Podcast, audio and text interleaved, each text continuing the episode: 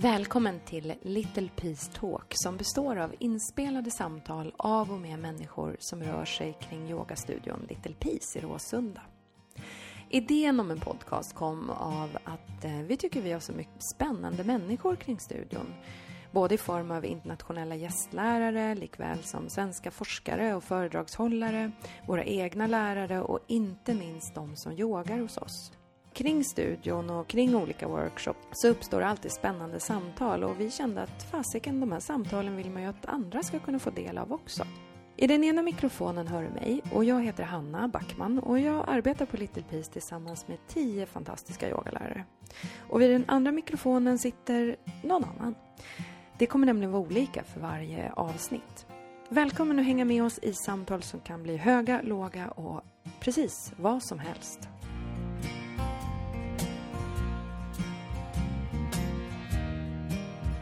Vår första gäst är Tove Ahlström. Tove är VD på tankesmedjan Global Utmaning och har blivit utsedd till en av Sveriges 101 klimatmäktigaste.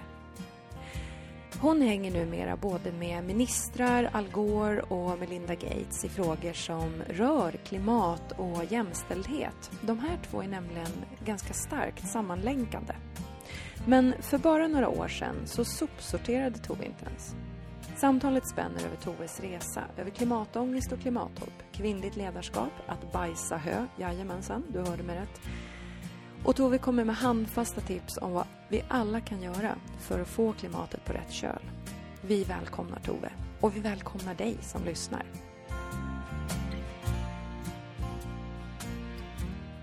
Sådär. Så. Jag tror att vi rullar. Ja. Du snackade om att du ville knäppa upp ditt skärp. Ja, jag har gjort det. Ja, vad skönt. och själv sitter jag nästan i pyjamasbrallor. Ja, det hade jag också velat. Välkommen Tove Tack. Ahlström. Ja. Jag har ju känt dig för att du har yogat Ja. för mig. Mm. Och du har varit den första att anmäla dig till retreaten. Det har nästan varit så här, ping! Tove. Ja. ja, men det är klart. Alltså, när det dyker upp bra retreats så vill man ju inte missa chansen. Var först på bollen liksom. Ja. Ja. men så brukar jag göra. Och det är jag så himla glad för. Mm. Du liksom tillhör den där stabila staben. Staben som alltid kommer. Ja. ja, men det var ju, alltså jag kommer inte ihåg riktigt när det var, men jag kommer ihåg det var min kompis som la ut det på, på Facebook. Ja. Så här, är det någon som vill följa med mig på yoga-retreat ute i skärgården? Mm. Och eh, klart jag måste följa med på det. Också som, som kvinna så har jag upptäckt att det är väldigt liksom, svårt att få med sig sina tjejkompisar på resor och få komma iväg från familjen.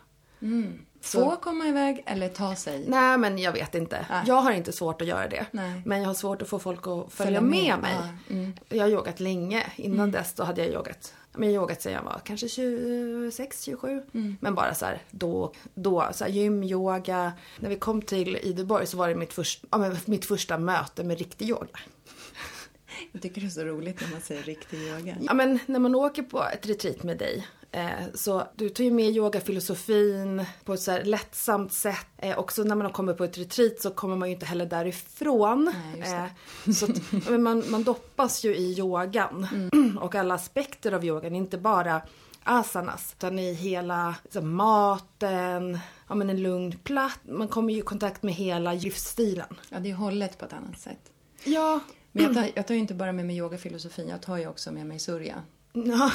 Och han är, ju, han, han är ju inte heller, han är inte dum. nej han är helt fantastisk. Ja. Men vi är faktiskt inte här, eh, nu kan man tro att, att jag kanske betalade dig för att prata om det här retreatet. Nej. Men, eh, Så var det ju inte.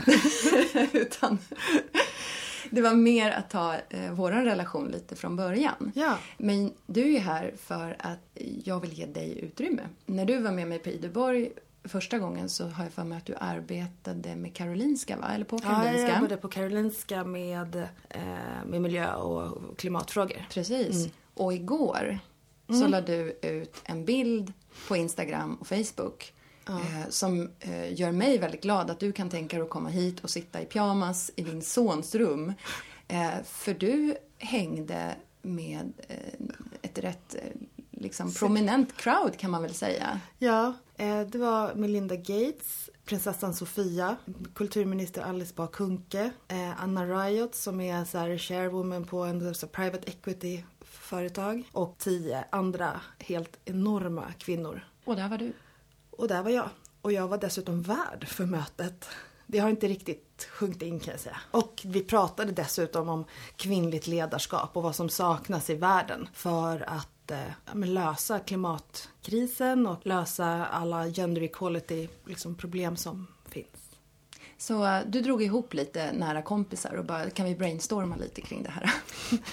Nej, det var väl inte, det var inte riktigt så det gick till utan vi har ett, eh, jag jobbar på, jag är VD för Global Utmaning som är en tankesmedja. Och eh, Gates Foundation är en partner till oss. Mm. Eh, och Melinda brukar göra ett, en resa till Sverige, eller förra året så var hon också i Sverige under den här, ungefär den här tiden. För hon tycker att ja, men vi är helt fantastiska när det gäller feminism, vårt ledarskap, vårt bistånd. Vi ger ju en procent av vår BNP i bistånd.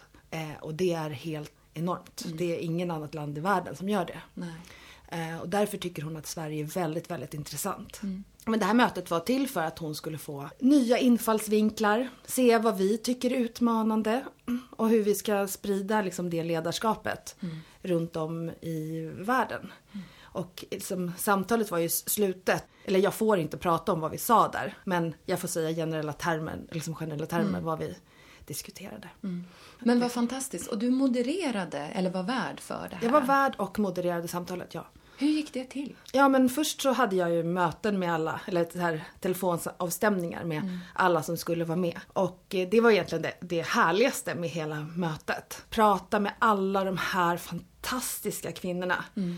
Som har såna unika historier och såna unika infallsvinklar på feminism, ledarskap, vad de har så blivit, inte utsatta för men så här mött i sitt, i sitt mm. eget ledarskap. Mm. Och att så här, hitta vad de brinner för i den frågan. Mm. Och sen när vi liksom satt runt bordet så visste ju jag var alla hade sin, sin kärnpunkt. Så då kunde jag ju liksom adressera frågan. Så när du, när du då fick ringa upp de här eh, kvinnorna som skulle, som skulle vara med på det här. Mm. Eh, hur, jag bara, hur funkar det liksom? Är det så här, får du telefon, får du mobilnumret då till, till eh, Melinda Gates? Eller, eller är det massa instanser man måste igenom? Liksom att man måste ringa någon assistent eller de ringer upp från något hemligt nummer? Eller hur, hur funkar det?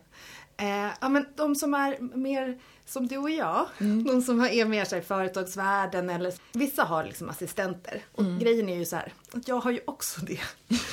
alltså det är så här, jag menar, det är för mig helt så här lite konstigt. Men jag... Men det är där du är nu. Ja, men jag, jag behöver hjälp med det. För att boka möten med folk tar väldigt lång tid. Mm. Jag måste prioritera min tid. Mm. Så det, en sån liksom hjälp som jag, stöd som jag har i min kollega är helt otroligt. Mm. Med folk upp till så här, share styrelseordförande för en stor private equity. Där har man oftast eh, ett eh, telefonnummer rakt in. Så de ringer jag själv. Men när det kommer till hovet, mm. då, då skickar man ju helst ett, ett, ett brev först. Gud, jag fick en sån här bild att man liksom skickar, du vet en mm. liten... Brevduva. Eh, nej, precis. En liten duva med, ett litet, med en liten sån här rulle och, och tutar i någon liten sån här... Du, du, du. Men det är så fint för att det, det funkar så ungefär. Berätta. Man, man ska, om man ska göra som hovet vill ha ett brev minst en månad innan. Mm. Eh, så att de kan ta ett, liksom ett, vad de ska prioritera för frågor. Men är det, är det ett skrivet brev på papper ja. eller det, går det bra med ett e-mail? Nej, de vill ha ett brev. Okej. Okay. Eh, men vi hade inte tid att göra det. Eh, Gates Foundation tyckte det skulle vara intressant att ha med någon från hovet. Mm. Så det var lite liksom, vi fick ju frågan om att göra det här mötet för kanske en och en halv månad sedan. Och sen mm. har vi ju så här, jobbat med olika influencers, olika politiker, jobbat med vilka mm. vi skulle vilja ha med på listan. Det är ganska kort framförhållning ändå. En och en halv månad för ett sånt här, för att få ihop. Ja. Jag tänker att det är väldigt mycket människor som är väldigt uppbokade. Ja, men eh, du vet, folk ställer ju in andra saker. Wow. för att få vara med. Med Tove. ja, det, var nog inte jag som var dragplåstret här. Men jag är oerhört tacksam för alla som kom och ställde upp. För att det skulle ju inte blivit ett sånt här fint möte om inte alla de Nej. ställde upp. Eh, och vara med. Tacksamheten går ju åt alla håll. Att alla liksom samlas, alla tar, tar av sin tid och alla tar av sina hjärtan och verkligen pratar. Alla är tacksamma för möj- att möjligheten skapas. Ja, Efter ett sånt här möte då, vad vill man att det här ska leda till och hur tar man det vidare? Melinda har har ju fått massor med nya infallsvinklar och eh, inspiration. För att hon sitter ju på en, en stiftelse som har extremt mycket pengar. Så hur hon väljer vidare att eh, investera dem eller liksom finansiera olika verksamheter, det, det vet jag ingenting om. Men liksom, någonting kommer ju därifrån. När jag fick frågan om att engagera det här mötet, jag hade varit VD i typ nå en vecka. Eh, och varit så här, "Va, men herregud, I'm not worthy. Liksom. Det här är världens rikaste kvinna som kommer till Sverige och jag ska vara värd. Så jag gick hem till min man, tog en rejäl whisky, grät en skvätt tillsammans med honom. Och sen så sa han så här, men Tove, frågan är ju inte vad Melinda Gates och Gates Foundation vill se. Frågan är ju vad du vill visa dem. Och då så sjönk polletten ner. Och då var det väldigt, väldigt enkelt för mig. För jag ser det feministiska ledarskapet som vi har i Sverige. Det sättet som kvinnor, eh, och jag vet att jag generaliserar här för män kan också leda på ett feministiskt eller kvinnligt sätt. Men om jag ändå generaliserar och vågar mig på det så ser jag att kvinnor som leder grupper och företag leder så att personer får plats, att medmänniskan, om man har en en medarbetare så får den också vara mamma eller pappa. De driver ofta företag som, som är liksom väldigt lönsamma men också tar hand om sina resurser. Det finns plats för eh, hållbarheten. Jag tror att det har att göra med att liksom, kvinnor är mer cirkulära. Vi menstruerar, det, är, det är en cykel. Vi föder, liksom, vi får ett frö. Vi odlar det fröet och vi föder ett barn och vi tar hand om det barnet. Det är väldigt få mödrar som lämnar sina barn. Och vi har ett ansvar för kommande generationer och vi har det i oss på ett sätt som jag inte riktigt ser hos många män. Det vände i alla fall när din man sa, vad vill du Ja, visa, visa- Melinda Gates? Ja. Han är ganska hyggligt bollplank, är han inte det? Jo, men han är jätte, jättebra. För han har ju skrivit en bok också. Ja. Så om man någon gång tvivlar på om man ska fejla Ja. så bör man läsa den boken för den heter Success. Success, alltså, Alltså, suck. Ja. Suck, suck, success. Ja. Alltså, su- su- det suger Ja. och sax- succé. Precis. I, det är en ord, ordlek. Han har skrivit flera böcker faktiskt. Har han det? Ja. Men han jag har har skrivit fått, typ fy, fyra böcker tror jag. jag fick den där boken utav Nej dig. men den är jätte, alltså den boken. Jag läste den ja, men innan den skulle ges ut. Mm. Eh, eh, och eh, jag blev själv helt tagen faktiskt. Mm. Av, den är ju väldigt, alltså anledningen till att jag skickade den till dig Hanna, det var ju att det är så mycket yoga i den för mig. Mm. Så jag så här, ja, med dubbelheten. Man är både bra och dålig samtidigt. Och när man f- får, när man, när man, att alla sidorna måste få plats i livet. Och det är först då som det blir harmoni. Både latmasken och den som jobbar framåt får plats. Då man blir eh, riktigt produktiv. Och att vi faktiskt egentligen aldrig vet vad som är ett misstag förrän... Jag menar, Nej. det finns saker... Man, eh, här och nu så kanske det kan verka som världens misstag att, att få sparken eller att bli lämnad av sin partner och så eh, några år senare så kommer man tillbaka och inser att vad det öppnades upp möjligheter och energi av att jag blev knuffad ur det där. Ja. Men där och då verkade det vara världens katastrof. Ja, det är ju en av de stora att någonting måste dö för att någonting annat ska leva. Det är ju verkligen så. Att göra ordentliga avslut. Eh, men också då ta hand om avslutet. Så att man inte går och blir liksom bitter eller ledsen för Precis. att man liksom misslyckades. Och nu sätter jag såna här fnuttar runt om. Ja men för det har jag tagit mig tid. Att när jag lämnar någonting, jag har bytt jobb ganska många gånger. Ja men för att jag kände mig så här, att jag kommer inte till min rätt här. Min integritet och vad jag vill är liksom viktigare. Eh, och då har det väl känts som ett misslyckande när jag har velat bli chef. Eller alla de gångerna, då har jag tagit mig tid då med att gå igenom dem och inte älta dem utan att liksom skriva jag brukar skriva brev, så här fullbordansbrev. Där jag erkänner min mitt misslyckande eller vad det nu har varit. Det, det behöver inte vara bara ett, att man lämnar ett jobb. Men det har jag gjort flera gånger i mitt liv. Utan en, en misslyckad relation. Alltså skriver ett brev och så här, erkänner den personen för allt bra den har gjort. Och erkänner mig själv för alla dumma saker jag har gjort i den relationen. Och sen gör så här, gar, så här tack för det här men nu är det här slut. Så här, knyter ihop liksom säcken. Så att, så att man får skriva av sig alla saker man är arg och irriterad på. Eh, så att man sen också kan se det fina som den misslyckandet har, har gett. Mm. Jag tycker jag lyssnar till ganska många som eh, verkar tycka att livet drabbar dem. Eller att det här hände, det, jag vet inte, det här bara hände eller det här bara tog slut. Och det har jag haft ganska svårt för det mindsetet. Eh, för att vi medskapar allting. Sen kan vi naturligtvis eh, springa på liksom skitstövlar eller, eller hamna i orättvisa situationer. Men även de situationerna kan vi ju välja att hantera på ett sätt. Ja. Och jag tänker när man hamnar i, i något läge där man, där man behöver avsluta någonting så kan det där vara en väldigt fin summering för att man dels så lär man sig någonting utav det som har hänt och sen att man faktiskt sätter sig i en, i en sits där man genom att knyta ihop eh, säcken tar ett slags kommando över sitt eget liv. Det där är ju det svåraste i hela livet. Ja, det där kan man hålla på med. Bara här, det, när du säger det så säger jag så här, ja, alltså jag håller ju med verkligen. Men det där, det där är ju liksom livets absolut svåraste sak. När glider jag med och när styr jag? Ja, eller åtminstone för mig. Att, eh, att hitta det, liksom, den, det lugnet och den liksom, tryggheten. Att förstå sin egen medverkan i dumhet. Eh, och att förlåta sig själv för dem för att kunna göra bättre i framtiden. Alltså, för, jag, jag tror att jag har börjat kunna göra det. Men eh, det är bara folk som är truly happy som klarar av det tror jag. Eh, nu tror jag att jag kanske är på det. Jag, jag upplever ofta att när jag tror att jag är på't så händer det någonting som förstår att jag, jag är inte, Inte alls... ens i närheten.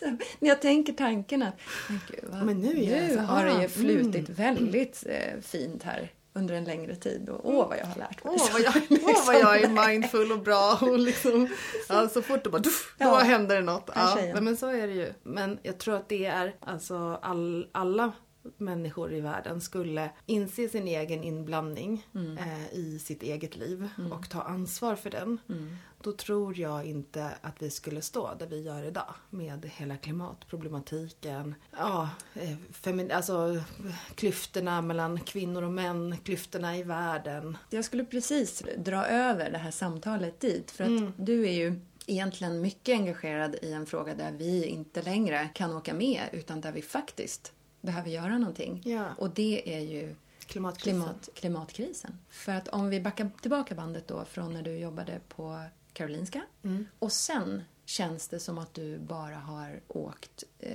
uppåt framåt Ja. i de här frågorna Så, eh, och i ditt engagemang kring Ja. de här frågorna. Ja, men så har, det, så har det varit. När jag gick i skolan, då fick jag lära mig att vi skulle så oroa oss för en istid.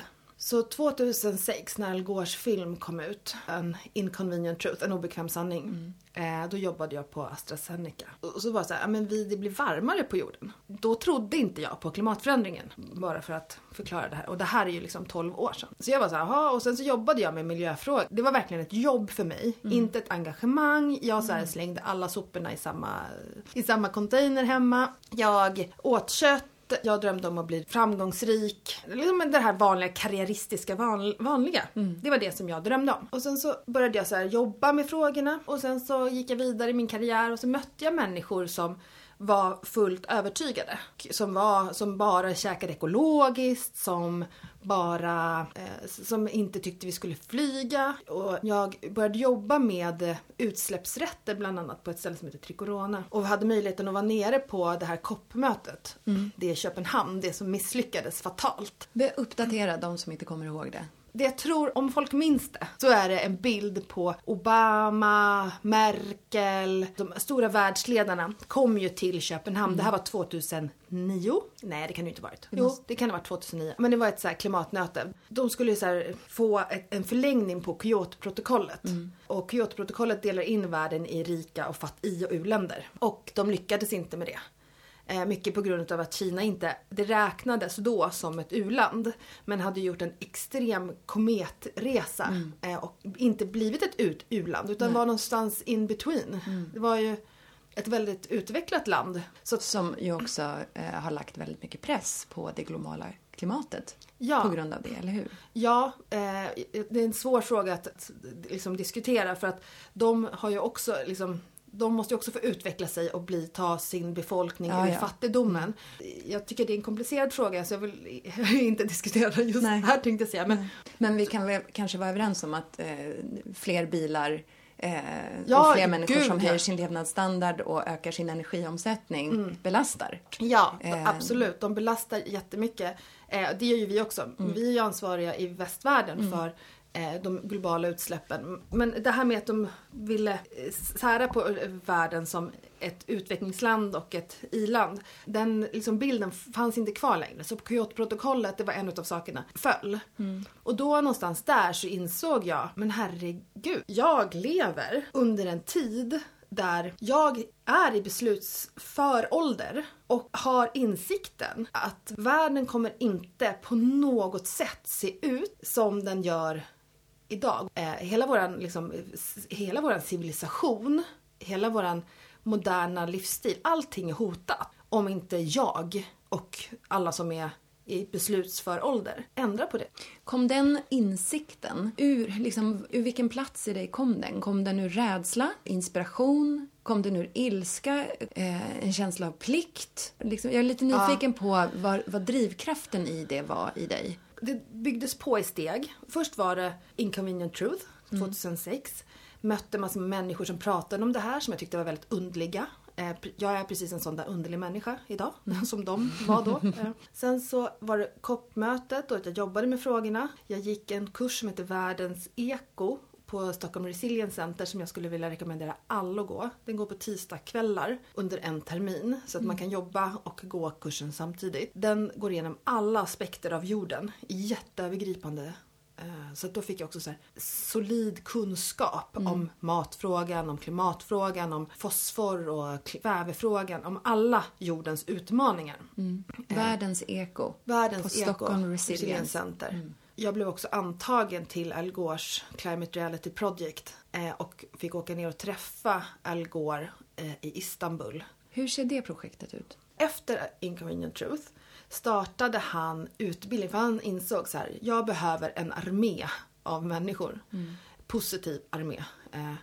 Som eh, håller, jag kan inte själv gå omkring och hålla de här föreläsningarna, jag måste ha en armé. Eh, man blir Climate Reality Leader, man åker ner, får tre dagars utbildning av Al Gore och Al Gore är på scen och med en stor del av de här tre dagarna. Och där i Istanbul då var vi 600 pers från 100 länder. Och eh, han håller sin föreläsning tre gånger gjorde han när jag var nere. Och en gång som man bara skulle få lyssna igenom den. Och sen så en gång när han verkligen så går igenom i detalj. Jag säger så här för att, jag säger så här för att, jag säger så här för att. Så att man förstår hans liksom retorik. Och sen så får man ju också ett otroligt nätverk av människor runt hela jorden. Då skriver man på ett kontrakt. Man som volontär ska hålla minst 10 föreläsningar. Och sen så loggar man det på hans sida så att han ser vad man gör. Och jag höll, ja men skriver jag på ett kontrakt med Al Gore, då gör jag mina grejer. Så jag jobbade ganska hårt eh, volontärt för att hålla de här presentationerna. Eh, och sen efter när man hållit en presentation, då kommer det ju många presentationer efter det. Speciellt om man gör det bra också. Ja, ja. Det är väldigt svårt att hålla sin första presentation kan jag säga. Eh, och det är många som går utbildningen och sen inte vågar sig upp sen. Känns det som att det är liksom en stor kostym att fylla?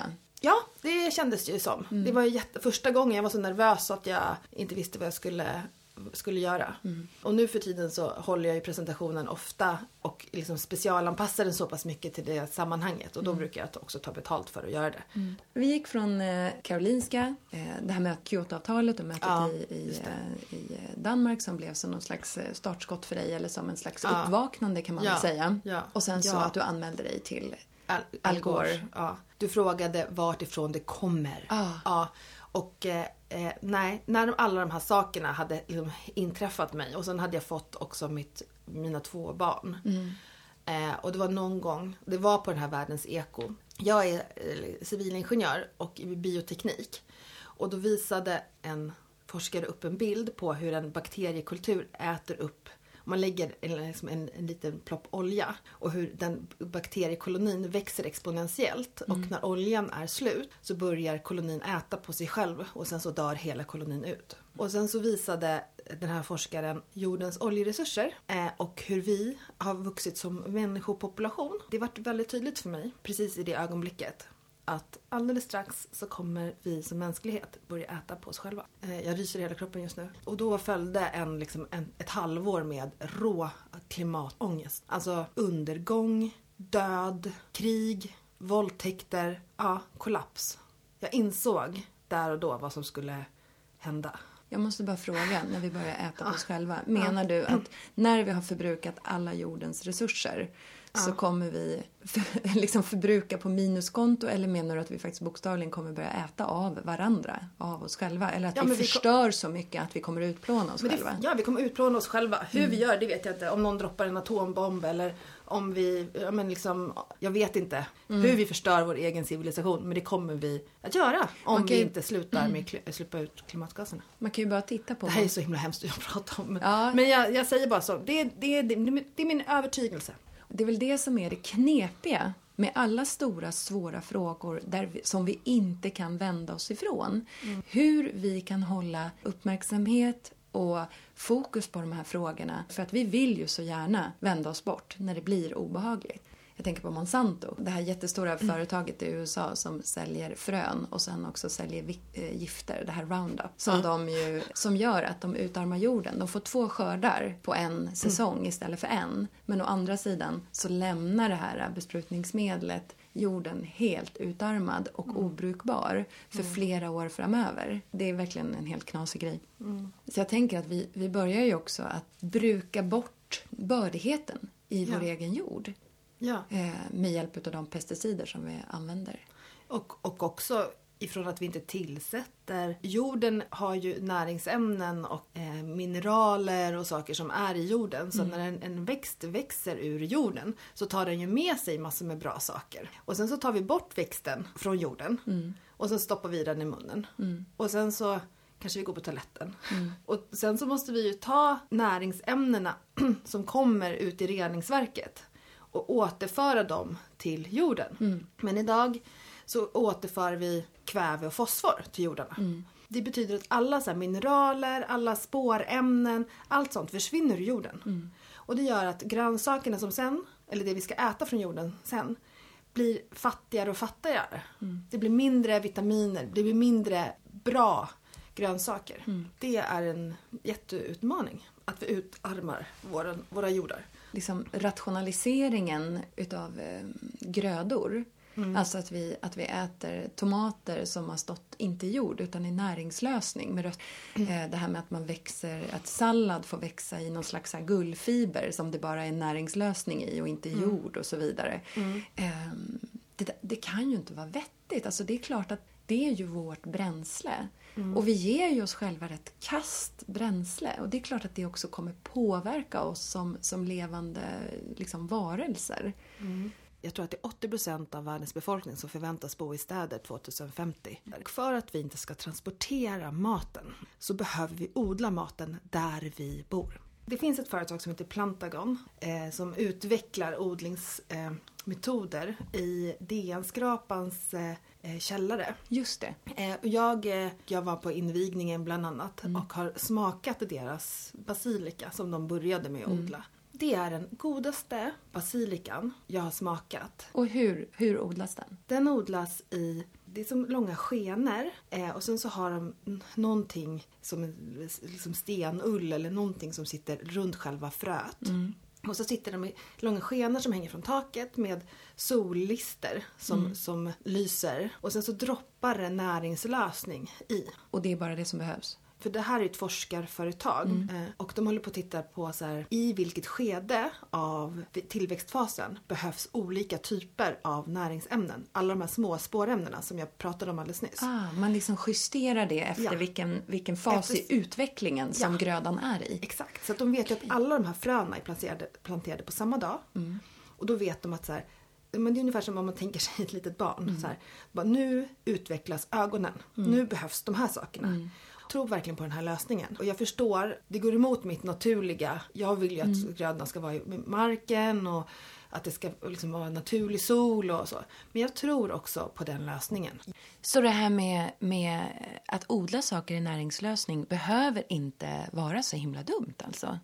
Jättestor del av vår, världens befolkning kommer bo i städer. För att vi inte ska transportera maten så behöver vi odla maten där vi bor. Mm. Det vill säga i källaren. På det här sättet så öppnar det sig massa möjligheter. Ja. Men kan det här innebära att det finns en lösning på kväve och fosforhalterna i vår jord? Att det inte behöver betyda att vi behöver gå utan grödor för det? Jag är, inte tillräckligt påläst för, att- för att kunna det men jag vet i alla fall att, att man kan odla väldigt effektivt i källare. Ja. Jag, jag, jag vill inte gå in i... Sen finns det jag andra känner- anledningar. Att, jag menar, det finns ju någonting annat än att odla också. Vi är del av ett ekosystem som Ja, behöver men- funka. Ja. Eh, så att, Vi- jag menar vi inte behöver- att, att det ska ersätta. Nej, vi behöver, vi behöver nog både, både och. Mm. Just de här källarodlingarna, då blir det också så att när det har odlats, Mm. då, då skördar man och då kan det komma till, till folket i staden samma dag som man har skördat. Mm. Och jag tror mer på att någonting en levande växt, man ska äta den liksom från jorden. Men det här råkar vara då i stenull och i näringslösning. Mm. För jag var jätte, jätte, jätte tveksam. Ja, jag har naturligt, som du hör, så har jag också varit det. och jag, förs- jag, jag, förstår, jag förstår den verkligen. Mm. Men Om man då i och för sig då tänker eh, vilka möjligheter det öppnar upp, speciellt för oss i en del av världen som ju inte har solljus halva året, i jämförelse då med någonting som har stått i jord men kanske i Colombia och transporteras hit, så är det ju naturligtvis en mycket, mycket mindre belastning. Ja, eh, och jag, miljön. och jag tror att saker som har plockats i Italien och fraktats hit, när den har, tomaten har plockats och sen transporterats länge, Mm. Så då sjunk- är det någonting som dör i tomaten. Prana Eh, sjunker. Ja, prana sjunker. För att prata Ja, yogaspråk. för- Prana, för de som inte har kläm på det begreppet, betyder ju en livskraft. Och någonting som finns i oss själva och allting levande. Vi kan ha hög prana och låg prana. Mm. Jag skulle vilja gå tillbaks till en sak som vi pratade om Ja, alldeles nyss. absolut. För jag kände så att jag lämnade folk med den här, min stora klimat, Ah, min stora klimatångest. Jag tror att forskarna säger att vi har 10 till 12 år på oss att ändra våra livsmönster. Så länge det finns liv på jorden, så länge vi människor lever här på jorden så finns det hopp. Och jag har jobbat med mig själv, för jag hamnade ju väldigt djupt i min klimatångest.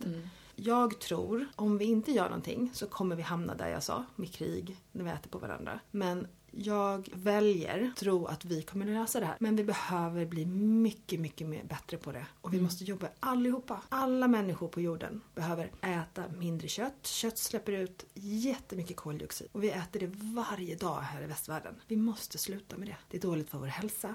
Det är jättedåligt för jorden. Så dra ner på kött. Dra ner Eller på sluta kött. helt. Sluta. Rött kött. Det är korna som är problemet. Inte transporterna. De är också dåliga. Men det är kon i sig som är problemet. Mm. Mycket av det köttet du, du äter om du är köttätare. Eh, och jag var det tills för ett år sedan så jag har all respekt för att ni tycker det här är jobbigt jag säger nu. Men mycket av det köttet du äter, det är inte de här fina kossorna som går på ängarna i Sverige. Om du inte har valt frigående, närproducerat kött. Det mesta köttet du äter har stått tätt, tätt i ladugårdar under helt oerhörda jobbiga förhållanden för djuren. Så de djuren har också väldigt låg prana, är jag helt övertygad om. De är också fullproppade med mediciner Med och antibiotika och så.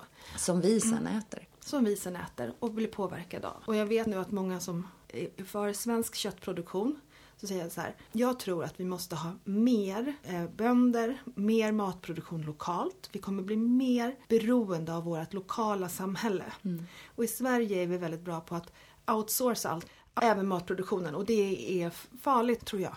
Men jag tror att väldigt lite kött av det som vi kan köpa i Sverige är svenskt. Om man tittar på de stora matkedjorna. Ja, eh, och man får leta efter att det står svenskproducerat. För vissa står det så här, gjort i Sverige. Ja. Och då kan det vara så att köttet är från Tyskland men själva köttbullen är gjord i Sverige. Alltså så Ah. att man importerade köttet och sen så gjordes det i Sverige. Okej, ja. Så man måste vara så här, om, om man äter kött då ska man titta efter så här, vart är köttet ifrån? Är det några länder som du känner att man är absolut no-no när det kommer? De som har väldigt mycket antibiotika och Italien är inget bra land. Danmark, Tyskland. Alla ställen där vi köper kött ifrån. Så jag skulle säga så här, svenskt, frigående, ekologiskt. Och det kostar mycket mer att producera på det sättet. Men har det generellt sett letat sig in mer vegetarisk mat i er, i er familj? Jag är uppvuxen helt konventionellt med så här köttbullar, påssoppor, detals, mikro. Mm.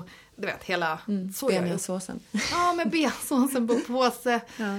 Verkligen så här, italiensk salladskrydda på oh, det. Just det. Fanns det inte något som hette Piffy också? Piff. Piffy var en sån här typ en glutamatbägare som, som, som påstods piffa upp. Frågan är vad den gjorde på insidan. mycket dumheter. Ja, men så här, när jag blev lite äldre så började jag få väldigt ont i magen. Jag var förstoppad fast nu blir det lite äckliga saker här som jag tänker dela med mig av. Well, thank you for being a human being.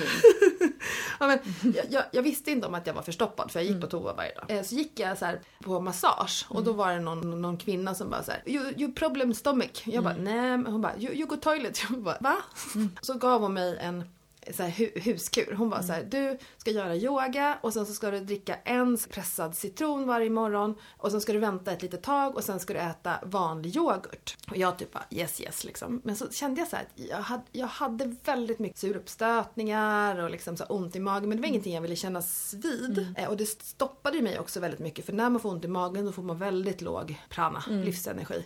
Jag åt väldigt mycket så här Pepsid och alla de här. De här preparaten? Alla de här mag, magpreparaterna. Mm.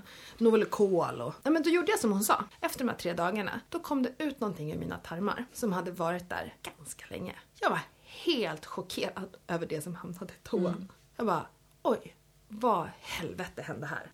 Jag har ju varit vegetarian sedan jag var 17 år och det ja, är väldigt det, lång tid nu. Ja. Det, det, det, är 25 år faktiskt. Ja och har en rätt schysst mage. Men jag har hört om folk som har gjort tarmsköljningar mm. där det har kommit ut någonting som är... Alltså det kommer ut märkliga grejer. Ja, det här var, det här var grönt som kom ut. En, en, det var inte vanlig avföring. Det var något, det något, var något som annat. Hade, uh. Det var så här, som, såg ut som så halm, hårda strå. Alltså, det måste ha legat där väldigt länge. Hur som Från ett tidigare liv, när du var, när du var ko. det var bommen, jag, jag bara... Voff! Jag älskar vart den här, det här samtalet är på väg.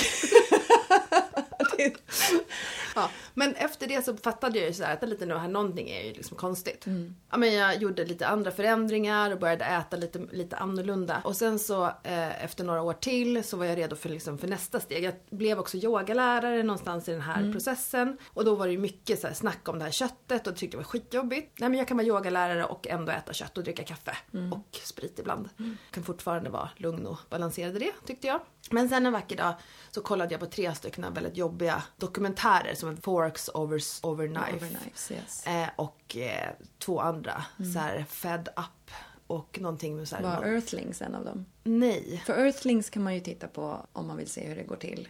Ja. Och påverkas man inte utav den så vet jag inte riktigt vad man är gjord av. Ja, men var, jag, jag, hade det liksom som mål. Mm. Jag så här, var hemma en dag typ och bara mm. tittade på de här tre.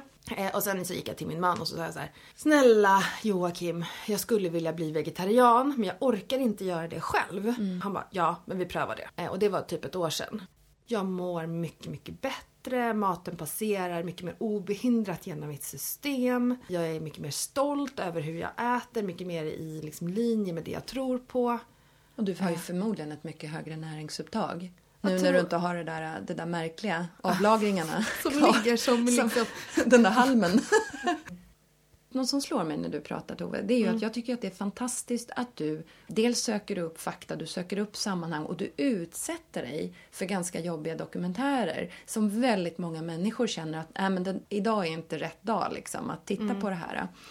Eh, men du gör det här och sen så försöker du att göra en förändring eh, så att fakta ihop med det som faktiskt blir en erfarenhet i ditt liv, när mm. de två kommer ihop så blir det väldigt kraftfullt.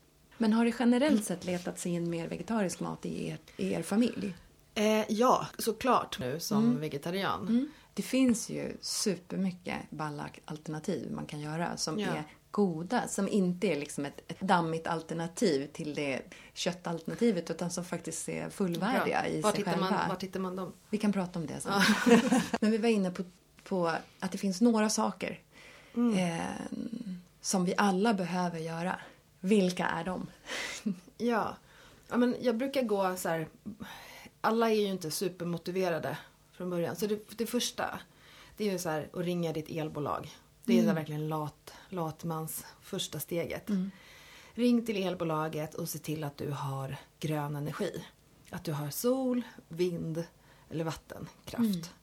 Det, är liksom, det kostar de flesta ganska lite pengar. Men du ringer. Ja, det spelar roll. Det är inte bara att du betalar mer till ditt elbolag utan de extra pengarna som du lägger kommer investeras i grön energi. Så det är det absolut första. Får du rekommendera några elbolag? Det här är ju inte SVT eller någonting sånt. Nej, men det finns ett elbolag som heter God El. Eh, Mm. De har som- jag. Ja. Och de investerar sin vinst i, eh, i sociala projekt. Precis. Så till exempel så skänker de pengar till SOS Barnbyar som jag är väldigt förtjust i, den organisationen. Och vet Nej. att när det ringer andra elbolag till en och vill att man ska byta elavtal. Mm. Då säger man så här, jag har god el. Och då pratar de inget mer. Därför att då vet Nej. de att det inte är billigt pris som är ditt incitament. Utan det är någonting annat som de inte kan matcha. Ja. Så att, eh, det är ett bra sätt också att, att få tyst på andra som ringer. ja.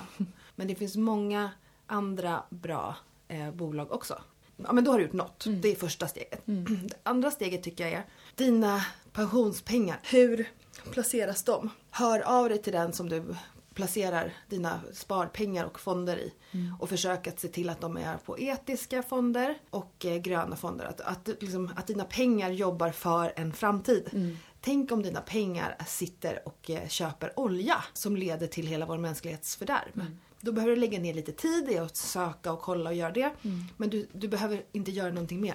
Eh, De gånger som jag har haft att göra med, med min bank och pratat om mitt val av fonder så har det varit precis det. Att det viktiga för mig är att det är en fond som inte i sin tur investerar i något som investerar i något som inte som investerar i något. Utan jag vill veta att det här är ett schysst led. Och det tycker många nästan är märkligt. Alltså att de kan titta och vara så här, men du tjänar ju mycket mer på den här högriskaktiefonden. Ja, men jag är inte intresserad av det. Jag är intresserad av att kunna sova på natten och veta att jag har placerat mina pengar i någonting som inte bidrar till vapenexport eller, eller någonting annat som är skadligt. Liksom. Sen så är det ju så här, det, jag upplever att du sitter med en liten gammal bild. Många av de hållbara investeringarna går ju bäst på börsen. All right. Så att, Ja, men det kanske säger någonting om hur, hur länge sedan jag eh, placerade om mina fonder. eh, om du vill tjäna mycket pengar Ja. så ska du investera i, i gröna energislag.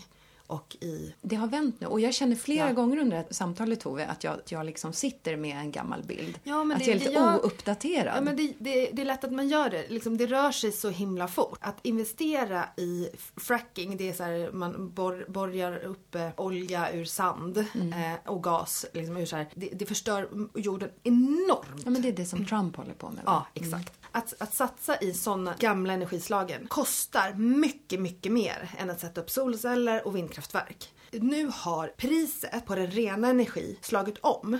Så att oavsett vad Trump gör så leder den fria ekonomiska marknaden till att mer och mer grön energi kommer investeras. Det här slog om 2010 tror jag. Första gången som det blev liksom billigare med de andra nya, nya energislagen. Vet du vad jag tycker det låter som Tove? Nej, Som att vi inte, att det tar oss ifrån eh, dystopin. Att vi faktiskt kommer börja äta på varandra. Ja, exakt. Eller? Men det räcker inte bara med den fossilfria energin. Nej, nej, vi ska inte lägga Nej. oss i soffan nej. och tro att nej, det är nej. För det, det är verkligen så här att det, det är många andra saker som måste till. Mm. Men det är en jättebra eh, nyhet. Men alla kan ju snabba på omställningen genom att just investera mer i de gröna energislagen. Mm. Och i sådana typer av investeringar. Yes. Jag vet att det också det finns en nystartat företag som heter Kale Invest. Som investerar i gröna alternativ. Alltså så vegan, det är ett så veganskt investeringsföretag. Underbart eh, initiativ. Det är så här veganläder skulle det kunna vara. Eller eh, vegansk mat. Eller eh, som jag tycker är en väldigt bra lösning på problemen vi sitter med. Tänk om hela till exempel sportskoindustrin gick Mm. över till bara veganläder. Eller att eh, jag menar, all, så bilindustrin Mm. gick över till så vegansk bilklädsel.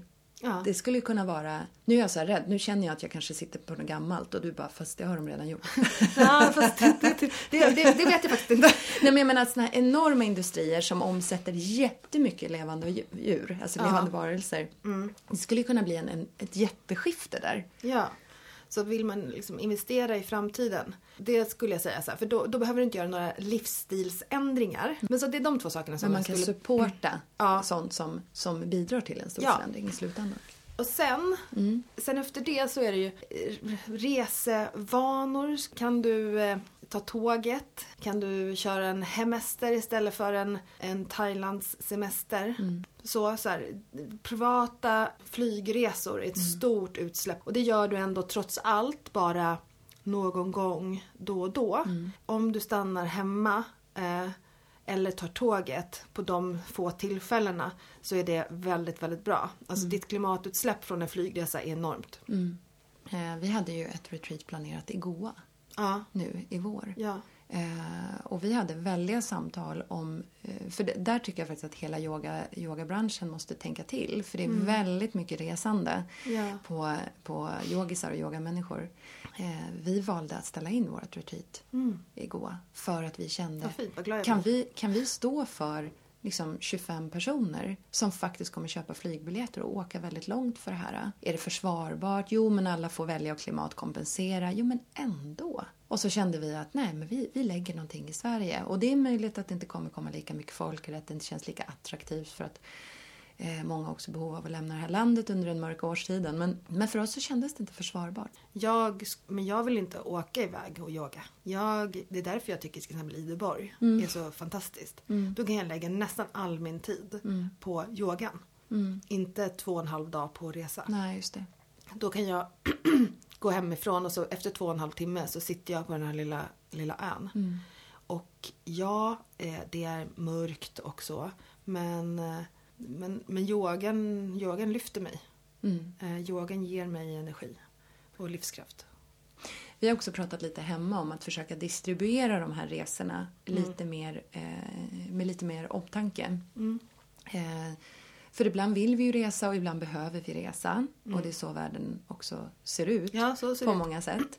Men eh, vi har pratat om att istället för att göra eh, flera resor eh, kanske lägga krutet på en då och då så får de andra liksom eh, då får vi göra saker här i Sverige istället. Så att vi liksom mer medvetet säger att har vi åkt iväg någonstans under hösten men då får vi stanna hemma över julen istället för att åka bort då också. Man liksom inte, att man reflekterar lite över någon slags eh, hur mycket och vilka resor eh, vilka resor lägger vi liksom krutet på då? Mm. Och sen så kan man göra ganska mycket mysiga saker som jag tog tåget till Köpenhamn. Ja. Hade, bodde på ett supermysigt hotell. Det finns supercoola grejer. Och, och det kändes ju väldigt mycket bättre. Ja. Och då kunde ju jag och maken sitta på tåget och prata. En lugn resa. En harmonisk resa. Mm. Men sök alternativ. Lägg av att äta köttet eller dra ner avsevärt. Om du vill äta kött, gör medvetna val och välj frigående ekologiskt. Mm. Mm. Närproducerat. Yes. Det andra, kolla av så att du har grön el. Grön el. Det tredje, kolla över dina pensioner och dina besparingar. Vilka typer av fonder du har dina pe- pengar placerade i. Så att Ja. du har i, i hållbara etiska fonder. Mm. Yes. Och, Den sista. Den Eller sista. inte den sista men eller en annan. en, en annan det är ju verkligen konsumtion. Ja. Eller Och så flyg- flygresorna var ju- flygresorna. Ja. Men sen så är det konsumtionen. Mm. Och, och det här, här är vi svenskar, är, vi är vidrigt dåliga. Mycket sämre än många länder i Europa. Mm. Vi är i, liksom, i USA-kapacitet. Vi vinner ju alltid så här, ah, vi är så hållbara och vi har så bra elmix i Sverige och så här. Och vi har Sveriges, eller vi har en av världens mest eh, bästa klimatlagstiftningar och vi som, som system, som land, har vi eh, jättebra förspänt och vi har tagit beslut som är helt fantastiska. Men, lyssna på det här. Vi svenskar, vi beter oss vidrigt. De privata konsumtionsutsläppen är jättestora. Vi importerar, vi handlar något enormt. Jag blir väldigt förvånad Ja. över att varje år har julklappskonsumtionen slagit nya rekord. Mm. Och jag blir så här, men vad fan behöver folk? Hur tror du, var, varför tror du att det är så Tove?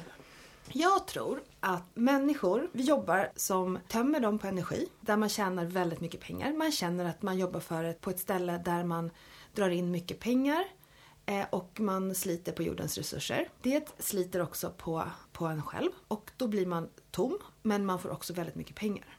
Mm. För de här pengarna så köper vi oss eh, ro i resor, eh, ro i konsumtion. Vi fyller ett hål när vi känner att våran, våran livskraft går ut till att utarma jorden. Så då fyller vi det hålet med tom konsumtion. Så, så att mm. min, min lös, det är så att om du känner dig tom eh, när du har jobbat, då, är det så att, då jobbar du med fel saker. Det finns ju någon sån våg som är så att vi ska jobba mindre, mm. mindre antal timmar.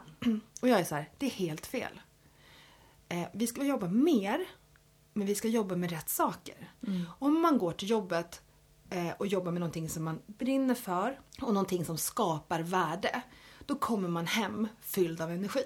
Hitta ett jobb där du kommer hem fylld av energi. Jag menar inte att alla ska jobba med att eh, sätta upp solceller på taket. Eh, men vi jobbar med fel saker. Och när vi jobbar med fel saker så tjänar vi för mycket pengar. Men behöver kanske tjäna mindre pengar. Och nu blir det här lite så här, jag, jag, jag sitter ju också i en bubbla. Många mm. som jag känner är eh, medelklass och över. Och jag vet att det finns många som eh, kämpar för att få ekonomin att gå ihop. Men jag tror ändå att leta efter ett jobb och en livsomständighet som jobbar för dig och för planeten. Mm. Då kommer du komma hem full av energi. Och till slut så kommer du också Eh, om du har, tjänar för lite pengar då så tror jag att du kommer tjäna mer pengar i framtiden. Eh, och tjänar du för mycket pengar så kommer du tjäna mindre pengar men må mycket bättre. Mm.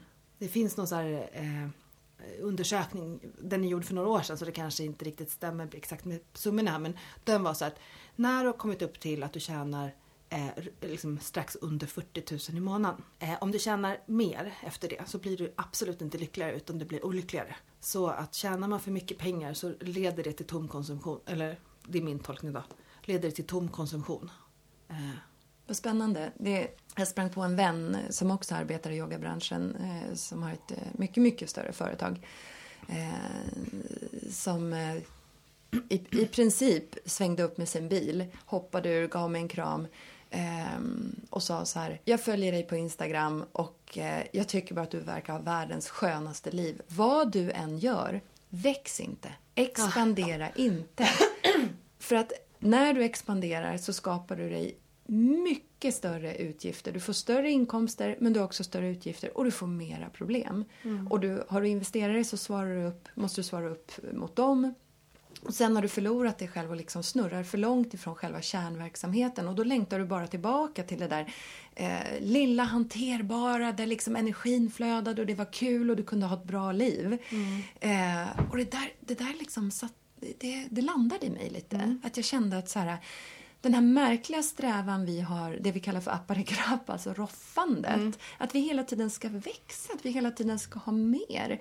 Mm. Ofta så är det ju så att när vi får mer så krävs det också mer utav oss och då krävs det mer tid utav oss. Eh, och så länge, vi måste vara otroligt eh, vaksamma på att vi inte snurrar för långt ifrån det som var vår önskan, det som var det positiva och det som gav oss energi. Mm. Som var liksom eh, kärnanledningen till varför vi började, eller vår längtan. Absolut. Och, och snurrar vi för långt ifrån det här eh, då börjar vi snart hyra människor för att ta hand om det som vi egentligen vill lägga vår tid på som våra barn och vår familj. Och när vi istället kan liksom gå ner i engagemang eh, och gå ner i inkomst och frigöra tid eh, till det där som vi, som vi gillar och liksom ta tillbaka vårt eget liv. Ja. Eh, så att det där med att växa och låta allt bli större eh, kan vara lösningen för vissa inom vissa omständigheter, men inte alltid. Nej, det är sant. Bra, yes. Bra summerat. Jag försöker. så väx inte Hanna. Stay, stay put. jag glintar till. eh, men apropå växa då, Tove. Mm. Du har ju verkligen vuxit med din uppgift. Mm. Efter att du var på Karolinska, eh, började engagera dig med Al Gore mm. så blev ju du eh, hållbarhetschef va, på Apotea. Just det. Det var det? Ja. Hållbarhetschef. Ja. Och jag är så glad när jag får tit till liksom, titlarna rätt ur, ur, ur minnet. Och då var du där. Mm. Ja, vad gjorde du där? Jag la ju hela deras de, hade, de var ju väldigt, hade fina grundvärderingar och eh, hade ett bra samarbete med SOS Barnbyar. Men, men saknade egentligen eh, system och struktur för eh, hållbarhetsarbete. Så jag började bygga inifrån, skaffade grönt elavtal, fixade källsortering så att det fanns ett system för källsortering. Ja, men de här vanliga, eh, in, för jag tycker alltid man ska bygga ett hållbarhetsarbete inifrån och ut. Så eh, källsortering, grönt elavtal, att inköpen började bli mer ekologiska. Eh, och så gjorde vi också, eh, eftersom det var ett apotek och jag hade verkligen hört så här, många sa så här, de internetapoteken. Och, och det fanns bara ett. så det var ju så här, Apotea tar inte, tar inte tillbaks eh, läkemedelsresterna. Det tog jag med vdn på intervjun. Vi måste ta tillbaks läkemedelsrester. Det kommer kosta ganska mycket pengar. Eh, är du beredd på det? Och det sa han, ja det är jag jätteberedd på. Så då fixade vi ett system där man kunde skicka tillbaks läkemedelsrester till Apotea. Gjorde folk det? Eh, ja. Eh, vi samlade in mycket, mycket mer om man räknade på presentförsäljning. Alltså Apotea var ju ett litet växande bolag eh, och de andra stora aktörerna samlade ju in mer för att de hade eh, så här 20 eller 25 procent av marknaden. Apotea hade ju några procent av marknaden och växte kraftigt under de här åren. Så att, men per, per försäljning så samlade vi in mycket, mycket mer än de andra vi satt, eh, bytte ut reklamen mot samhälls, eller vad jag skulle kalla samhällsinformation eller samhällsinspiration. Där vi hade så här, Östersjön är sjuk eh, men behöver inte vår medicin. Eh, och eh, så här med jätte... Ja men alltså den var så, den var så fin. Eller är så fin, den sänds fortfarande än idag. Och eh, vi samlade in sju ton läkemedelsrester på eh, ett och ett halvt år. Du, vad, vad händer med läkemedelsrester? När de eh, samlas in på korrekt sätt och lämnas tillbaks till ett apotek då tas de vidare till förbränningsanläggningar där de bränns under väldigt kontrollerade former. Eh, Läkemedelsresterna, de kommer i speciella kartonger, det är dyr transport på dem och sen så åker de till en förbränningsugn där de bränns vid jättehöga temperaturer så det bara ska bli ja, men, aska Just det, så kvar. att ingenting kan komma ut i jorden igen? Eller? Nej. Och Nej. den här askan hamnar sen på väldigt kontrollerade slutförvaringsställen och ska Mm. egentligen aldrig komma tillbaks till kretsloppet. Mm. Eh, så därför är det väldigt viktigt att lämna läkemedelsrester tillbaks Kan, till apoteket. kan det till och med finnas rester i askan? Nej. Men man vill, in, man vill, Man vill inte, inte riska riska. något. Nej, jag förstår. Va, eh, Tove, vilken spännande resa du har gjort. Från att eh, eh, vara miljöansvarig men inte ens själv, eh, källsortera själv. Ja.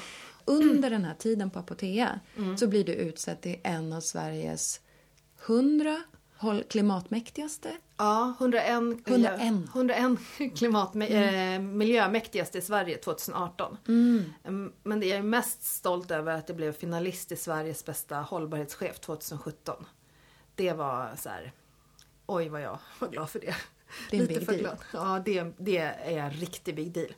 På två års tid så gjorde jag stor förändring eh, med Apotea och med ledningens, eh, när vi tyckte samma sak eh, och vi jobbade åt samma håll eh, så åstadkom vi hur häftiga saker som helst. Och det här är 2017. Det här är, ja, jag började 2016 ja, och så 2017. Och nu modererar du samtal med, med några av de mest liksom... Ja, ja så det kan gå ibland. Ja. Ja, vad, det här, den här tankesmedjan som du nu är VD för. ja, För du hann ju bara vara VD där i, i eh, väldigt, väldigt kort tid innan den här frågan kom att moderera det här samtalet och, och vara värd för ja, den här cirkeln av, av, eh, av ganska betydelsefulla kvinnor. ja. Vad gör ni i tankesmedjan? Det är många som inte vet vad en tankesmedja är. Nej, vi, förklara. ja, vi är, vi är en, liksom en plattform mellan forskare, politiker, företag och civilsamhälle. Och civilsamhälle det är till exempel organisationer som jobbar för en, ett, en bättre värld. Men det är också med, allmänheten. Vi har vissa seminarier som är öppna för vem som helst och det är vi väldigt stolta över. Personen på gatan kan gå in på ett, ett möte och träffa politiker. Och även politiker kommer och tittar på våra öppna seminarier. Så det är liksom en mix av människor. Det är inte bara eliten utan det är liksom folkbildning också. Det är ganska ballt att, eh, att arbeta så att man vinner kredibilitet från alla. För det låter ju som att ni, ni har lyckats hamna på en sån position. Ja.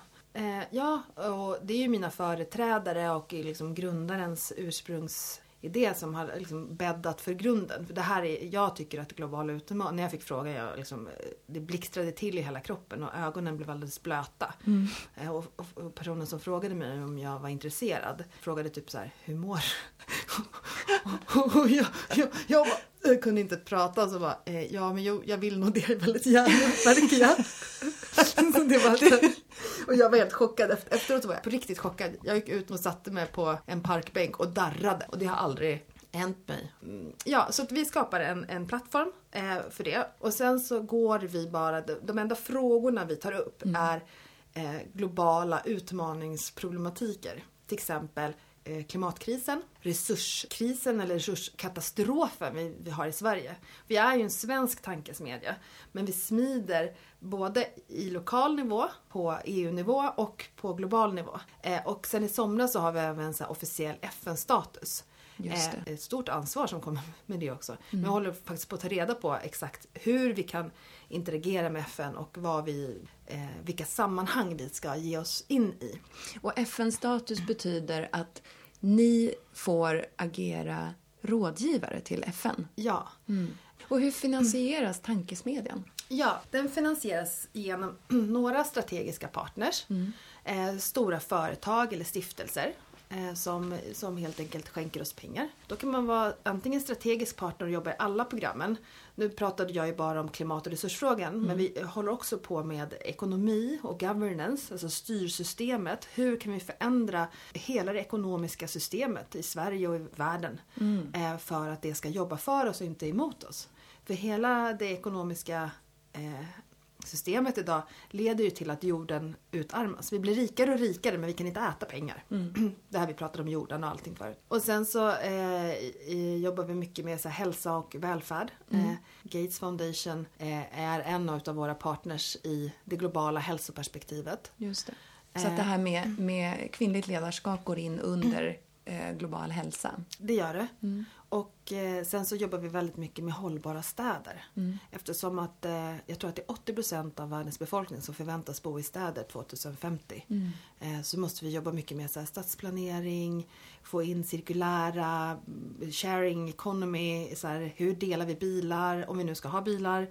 Eh, hur får vi matproduktionen att ske i staden? Just. Många utav städerna idag är ju byggda utifrån vita eh, medelålders män.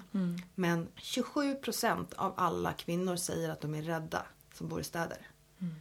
Eh, och, det är jätte- och det spelar ingen roll om du bor i Nairobi eller om du bor i Stockholm. Väldigt många kvinnor känner sig utsatta, exkluderade eh, och liksom väljer andra vägar. Jag är så van vid den, att tänka så här, ja men, nej men på natten, så här, nej men, nej där går jag inte, jag tar den här vägen Absolut. istället. Jag åker till den här hållplatsen för då vet jag att det är ljusa gator. Jag är så van vid det i mitt liv att jag inte ens tänker på att jag faktiskt någonstans är rädd. För jag bara har byggt in det i mitt liv. Jag hade det samtalet med några killkompisar en gång. där jag sa att om en tjej kliver av bussen eller tunnelbanan och det bara är du och hon. Gör en tjänst och byt sida på gatan. Byt trottoar eller bara visa att hon inte behöver vara rädd. Och då var, det, då var det några av killarna som sa herregud, jag har inte ens tänkt på. Du menar Nej. att jag skulle kunna vara en presumtiv fara för henne? Ja, Ja. såklart. Hon Hon har all sin fokus på dig. Hon har superkoll. Vilka som går av samtidigt Mm. Ja. Mm. med henne, vilka som går bakom henne, hur många det är, vart de är. Ja. Det har vi, liksom, det har vi bara inbyggt i oss. Ja. Och när, när det går upp för män eh, så inser de ofta med vilka olika förutsättningar vi rör oss i det gemensamma offentliga rummet. Mm. Det här är någonting som vi jobbar väldigt mycket med. Just nu har Tankesmedjan ett pågående arbete med Botkyrka kommun om hur det ska omstrukturera Fittja centrum. Jag blev själv strandad i Fittja centrum i några timmar eh, för några år sedan. Ja, men på dagarna brukar inte jag vara rädd någonstans men jag befinner mig tydligen aldrig i Fittja centrum. Ja. Det var bara killar, män och gubbar. Jag var helt gad. Jag eh, kände mig som att jag har ganska normal, liksom, vettiga åsikter. Men jag har varit rädd av att det var så mycket utländska män. Och vad var det som gjorde dig rädd? För utländska män generellt är ju inte... Nej men jag kände mig så himla annorlunda. Eh, och de tittade på mig väldigt konstigt. För jag stod ju också bara där, för jag stod och väntade. Jag skulle Mm. Ah, ja. springa en stafett. Ah. Eh, eh, och väntade på en liten rund sten från norra ishavet. Jag skulle... Jag del... Vänta nu Du stod i Fittja centrum. Du var den, du var den enda västerländska kvinnan och du väntade på en liten rund sten från Norra ishavet som du skulle springa iväg med. Ja, till, till Alby.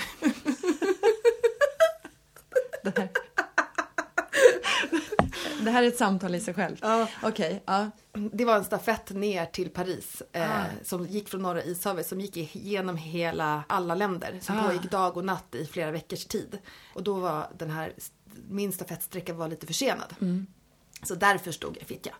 Eh, Men tankesmedjan håller ju på med eh, massor med aktörer som är anslutna. Med där man på olika lösningar. Och där är det massor med unga kvinnor som bor i Fittja som är med. När man designar staden utifrån en ung kvinna så eh, inkluderar man alla. Så att när man designar den ut, ut efter det så blir det hå- hållbarare, det blir mer lokaltrafik, det blir mindre utsläpp, det blir eh, mer levande. Eh, Intressant för det där vi pratade om med, med kvinnliga organisationer och kvinnligt ledarskap. ja. Mm, knyta an till det. Mm. Vad spännande. Mm. Alltså du får ju minst sagt eh, vara med om mycket och det har gått fort. Mm. Och det känns som att varje gång som jag träffar dig så har du liksom gått från klarhet till klarhet. Mm. Vad, vad skulle du vilja med den här tankesmedjan? Jag vill eh, skapa eh, liksom lagförändringar och inspiration för alla människor att eh, hitta lösningar på de stora globala utmaningsproblemen. Eh, så jag vill inte visa för någon. Det enda jag vill skapa är förändring. Tove, om vi alla skärper oss och gör minst de här grejerna som du har berättat om. Kan vi vända den här skutan då? Ja, Det låter väldigt hoppfullt. ja. Men då behöver vi alla göra det vi kan och lite till. Och lite till. Och sen så när man gör det så märker man att man mår mycket bättre också. Eller hur? Jaha. Jag känner att det här är en perfekt plats för en avrundning. Men jag behöver fråga dig en sak till. Okej. Eh, för jag tycker att en sak var spännande innan vi slog på mikrofonerna här Ja. och började prata.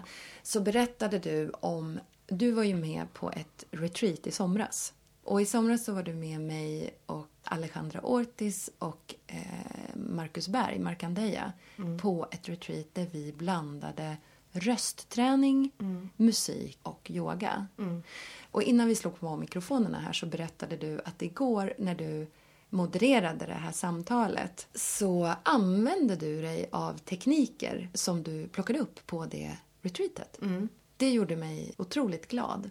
Nej men alltså jag använder yogan varje dag i mitt liv. Eh, men på det här liksom, sound retreatet så jobbade vi mycket med när man pratar eller sjunger så ja, men, använder man av kroppen och när man spänner sig så kan man inte använda hela soundbody, hela sin kroppsstorlek. Eh, då kan man inte använda den eh, för att man spänner sig. Så pranan eller energin flyter inte och då flyter inte ljudet. När du ska träffa världens rikaste kvinna och prinsessan och typ den minister som du ser upp till mest i hela regeringen samtidigt i värdförmötet. Då finns det en risk att man liksom håller in magen, drar upp axlarna och så lite bak med dem och bara säger jag ska minsann platsa i rummet. Det stod jag och gjorde Helt först. förståeligt. Mm. Ja, men då var det så här, men vänta Tove, vad lärde du dig nu då? Så då började jag så här, vicka lite från sida till sida med axlarna, typ så här, dansa lite med mig själv. Vart har jag mitt centrum, min mage, mitt kön? Så här, ner i liksom min höft.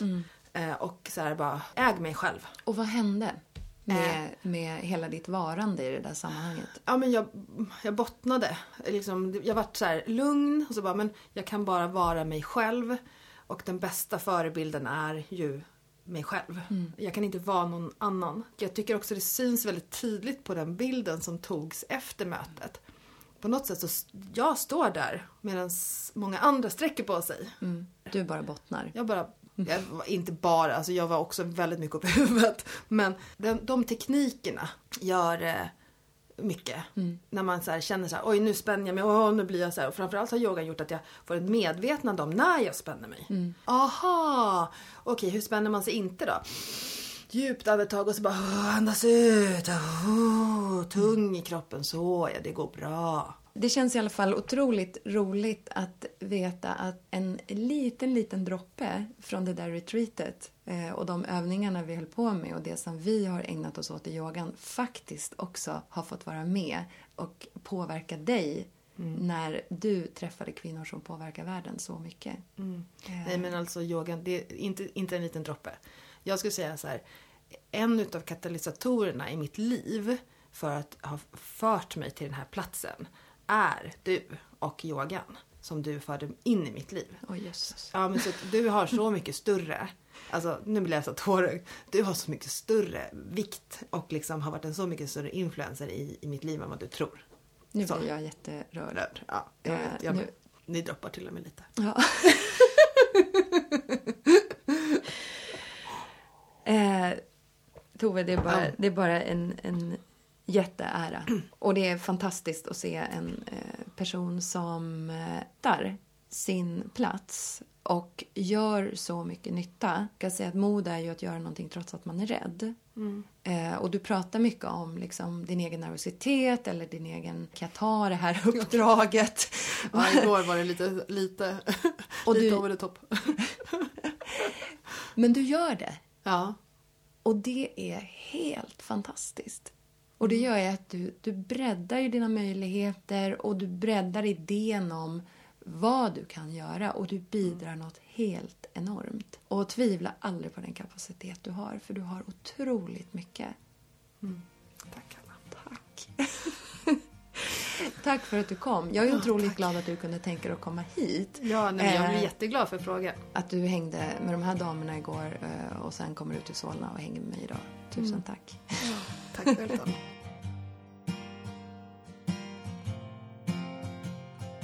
Gud vad skön hon är, Tove. Jag blir glad och hoppfull av det hon berättar och känner att såna här personer är värda all support. De gör ju ett hästjobb för att vi alla ska få en bättre plats att leva på. Då är det inte så himla jobbigt att vi från vårt håll möter upp med att liksom kolla över våra elavtal och strunta i köttet eller dra ner lite på de där flygresorna för att liksom backa upp det här gemensamma målet. Sen är det så häftigt att hon är så öppen med sin nervositet och sitt eget tvivel, det här som vi liksom alla känner. Och samtidigt är hon så stolt och självklar. Man blir väldigt inspirerad av Tove och nästan lite kär. Vill du höra mer utav Tove så kommer hon till Little Peace den 17 februari och kör den här Al Gore-föreläsningen och då finns det också möjlighet att ställa alla frågor som du har till Tove. Och till nästa gång vi hörs, sköt om er. Hej då!